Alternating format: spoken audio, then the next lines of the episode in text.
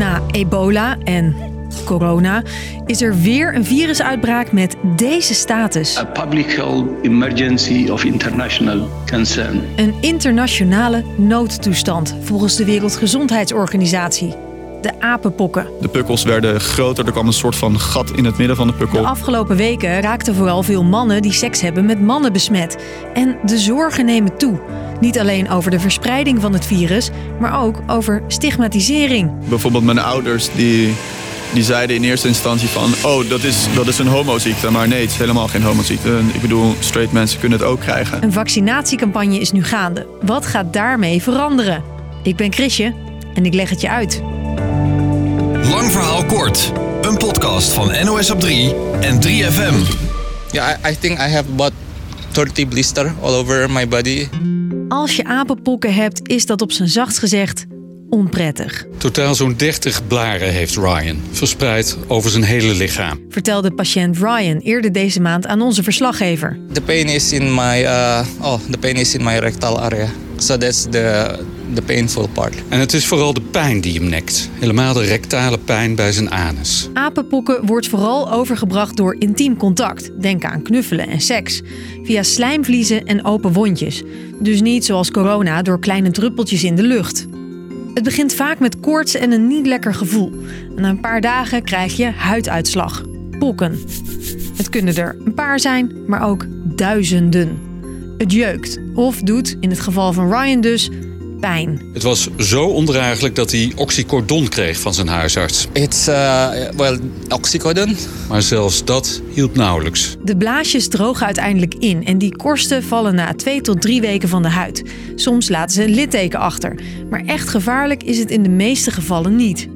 Iedereen kan trouwens apenpokken krijgen. Het verspreidt zich nu veel onder mannen die seks hebben met mannen. Maar intussen zijn ook een aantal vrouwen en een kind besmet in Nederland, vertelt deze expert. Hoe dat kan, ja, dat, dat is het grote probleem. We zien niet eh, zeg maar één cluster waarmee je alle besmettingen kan verklaren. Daarvoor is het dus al veel verder verspreid dan we nu zicht op hebben. En dus wordt er nu ook gevaccineerd. Met een al bestaand pokkenvaccin dat ook tegen apenpokken zou werken. Maar dat vaccin is nog niet voor iedereen beschikbaar. Er is genoeg voor 32.000 mensen. Tienduizenden mannen en transgender personen hebben een uitnodiging op de mat gekregen. Zij lopen een verhoogd risico op apenpokken als ze veel wisselende seksuele contacten hebben met mannen. Dat zegt hoogleraar huidinfecties Henry de Vries. Die regelt ook de vaccinatiecampagne in Amsterdam. Dit zijn dan de groepen eh, eh, waarvan wij denken dat, dat die de grootste kans hebben om hier baat bij te hebben. En om op die manier ook eh, de epidemie in te dammen. Hij verwacht dat een groot deel van die groep een prik komt halen. Dat merken we ook aan de berichten die ons bereiken. Dat die eh, staan te trappelen om te worden gevaccineerd. En dat is ook wat je ziet in andere landen, zoals bijvoorbeeld in New York. eh, dat mensen er echt voor in de rij staan. Maar de rijen in Nederland zullen voorlopig niet echt lang worden. Want het is dus maar een relatief kleine groep die een prik mag halen. Zorgt dat dan niet voor vooroordelen? Wij zien dat nu al uh, gebeuren, dat uh, die mensen met apenpokken gestigmatiseerd worden, dat ze uh, worden weggeschreven als nou, dat had je kunnen voorkomen. Je hoort Kai Jonas, hoogleraar sociale psychologie. Het is geen ziekte die alleen voor homomannen re relevant is. Op dit moment gebeurt het vaker in deze groep, maar dat kan ook nog veranderen helaas. De organisatoren van Pride Amsterdam vinden het stigmatiserend dat de apenpokken de laatste weken vaak met hun feest in verband worden gebracht. Omdat daar nou eenmaal veel homo's en transgender personen komen. Oud-RIVM-baas Roel Coutinho zei er bijvoorbeeld dit over. Ik denk dat je uh, je moet realiseren dat dit soort gebeurtenissen een extra risico uh, met zich meebrengen. En dat is niet wat je wil. De organisatie van de Pride is klaar met die vooroordelen. Het is geen seksfeest, zeggen zij. Juriaan, die zelf al apenpokken kreeg, vindt het dubbel. Aan de ene kant vindt hij het lastig dat het virus als homoziekte wordt weggezet.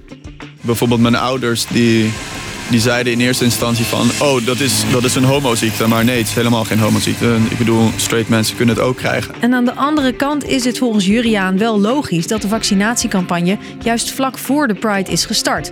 Het RIVM waarschuwt er namelijk voor dat de Pride, net als andere grote evenementen trouwens, voor intensievere verspreiding kan zorgen. Want de meeste mensen krijgen pas na 6 tot 13 dagen symptomen, waardoor ze zonder het doorhebben anderen kunnen besmetten.